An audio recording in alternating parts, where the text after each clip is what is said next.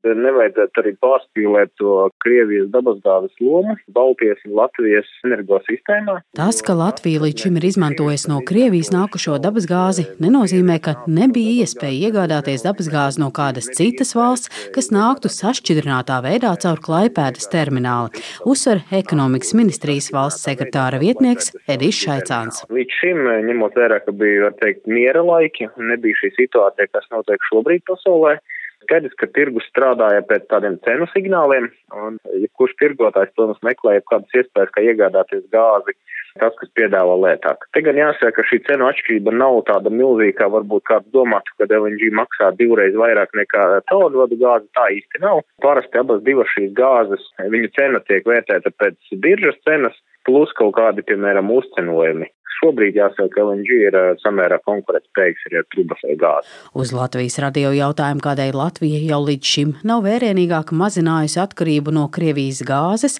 Edijs Šaicāns pauž, ka tirgus spēlētājs, kuram ir dominējošā loma kādā tirgū, dara visu, lai to saglabātu, piemēram, dodot labāku cenu. Ja kas jauns un pēkšņs un ātrs vienmēr rada kaut kādus izaicinājumus. Un viens no tādiem svarīgiem izaicinājumiem būtu, protams, loģistikas izaicinājumi, kā visas šīs plūsmas saskaņot jo līdz šim vienkārši tā sistēma tādā veidā netika izmantota. Un teikt, ka tagad mēs esam absolūti bez riskiem, tā nav. Vērtējam arī tādas tehniskās iespējas, vai to var vai nevar, cik lielos apjomos, un tur mēs redzam, ka teorētiski mēs varam pārslēgties, vismaz pakāpeniski noteikti. Lai gan pārorientēšanās uz piegādēm caur klaipēdas sašķidrinātās gāzes termināli iespējama jau tagad, jo tas spēj nodrošināt Baltijas valstu patēriņu. Pagaidām problēma ir Lietuvas-Latvijas starpsavienojuma caurlaides spēja, kas nav pietiekama. Šomēnes pārvades operatori grasās palielināt esošās sistēmas caurlaides spēju, palielinot spiedienu Lietuvas pusē. Savukārt līdz 2023. gada beigām Konexus kopā ar Lietuvas dabasgāzes pārvades sistēmas operatoru Ambergrid īstenos Latvijas-Lietuvas starpsavienojumu projektu. Tā mērķis ir palielināt pārvades jaudu abos virzienos aptuveni divas reizes, un tas nozīmē, ka būs iespēja apmierināt reģionālo gāzes tirgus pieprasījumu un garantēt gāzes piegādes drošību starp valstu savienojumos. Šaicāns uzsver, ka alternatīva Krievijas gāzei jau tiek izmantota. To apliecina arī fakts, ka Latvijas energo pēc valdības dotā uzdevuma ir iegādājies divas teravatstundas gāzes no Norvēģijas, ASV un Kataras. Energo neatkarība nav tik, vai mēs gāzi nopirksim citur vai nenopirksim, bet pamat uzdevums ir maksimāli vispār mazināt gāzes patēriņu ņemot vērā, ka tas ir fosilais kurināmais, un mēs importējam no ārvalstīm. Tas nozīmē, ka straujiem soļiem Latvijas energobilancē jāpalielina saules un vēja energoresursu patēriņš.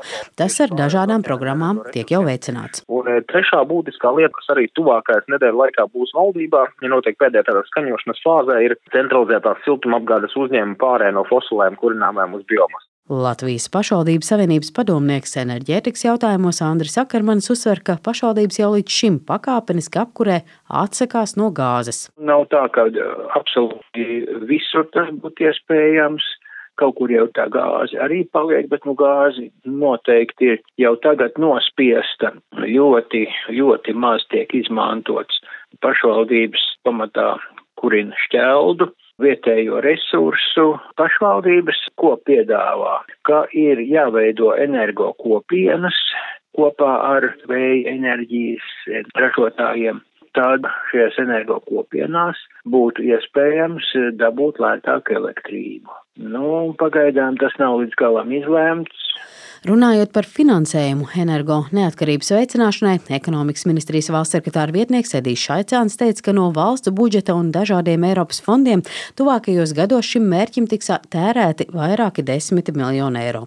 Arī no Eiropas Savienības atvesaļošanas un noturības mehānisma ekonomikas ministrijas paspārnē esošās programmas ir saistītas tikai un vienīgi ar energoefektivitāti un pārēju uz atjaunīgajiem energoresursiem.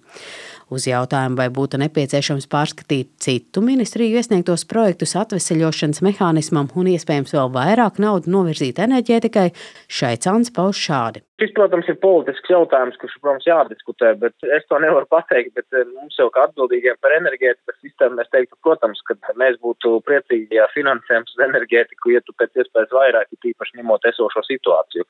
Bet skaidrs, ka arī šis apjoms ir pietiekošs un tāds gana liels un būtisks, kas dos labu tādu arī atbalstu gan uzņēmumiem, gan arī mājasēmniecībām. Eiropas komisijas pārstāvniecības Latvijā vadītāja Zane Petre uzsver, ka jau šobrīd atveseļošanas un noturības mehānismu plānā aptuveni 37% ir atvēlēti zaļajiem projektiem, un puse no šīs summas, jeb 311 miljonu eiro, ir tieši energoefektivitātes veicināšanai gan publiskajā, gan privātajā sektorā.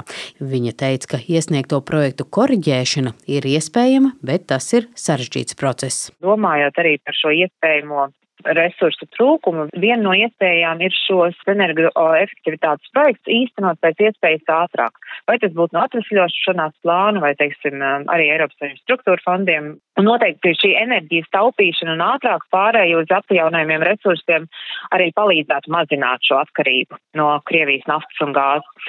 Runājot par paša plāna grozīšanu, Tā ir iespējama tiešām tikai ārkārtas gadījumos, un e, katrs šis grozījums tiek e, izvērtēts atsevišķi. Tas noteikti nav ātrs un viegls risinājums. Latvija ir pieteikusies uz atveseļošanas un noturības plāna granta daļu, bet vēl ir iespēja izmantot aizņēmumu sadaļu, un tie Latvijas gadījumā ir aptuveni 2 miljārdi eiro. Zāne Petra uzsver, ka tā ir vēl viena iespēja, ko Latvija var izmantot dažādiem energoefektivitātes projektiem. Linda Zalāne, Latvijas radio.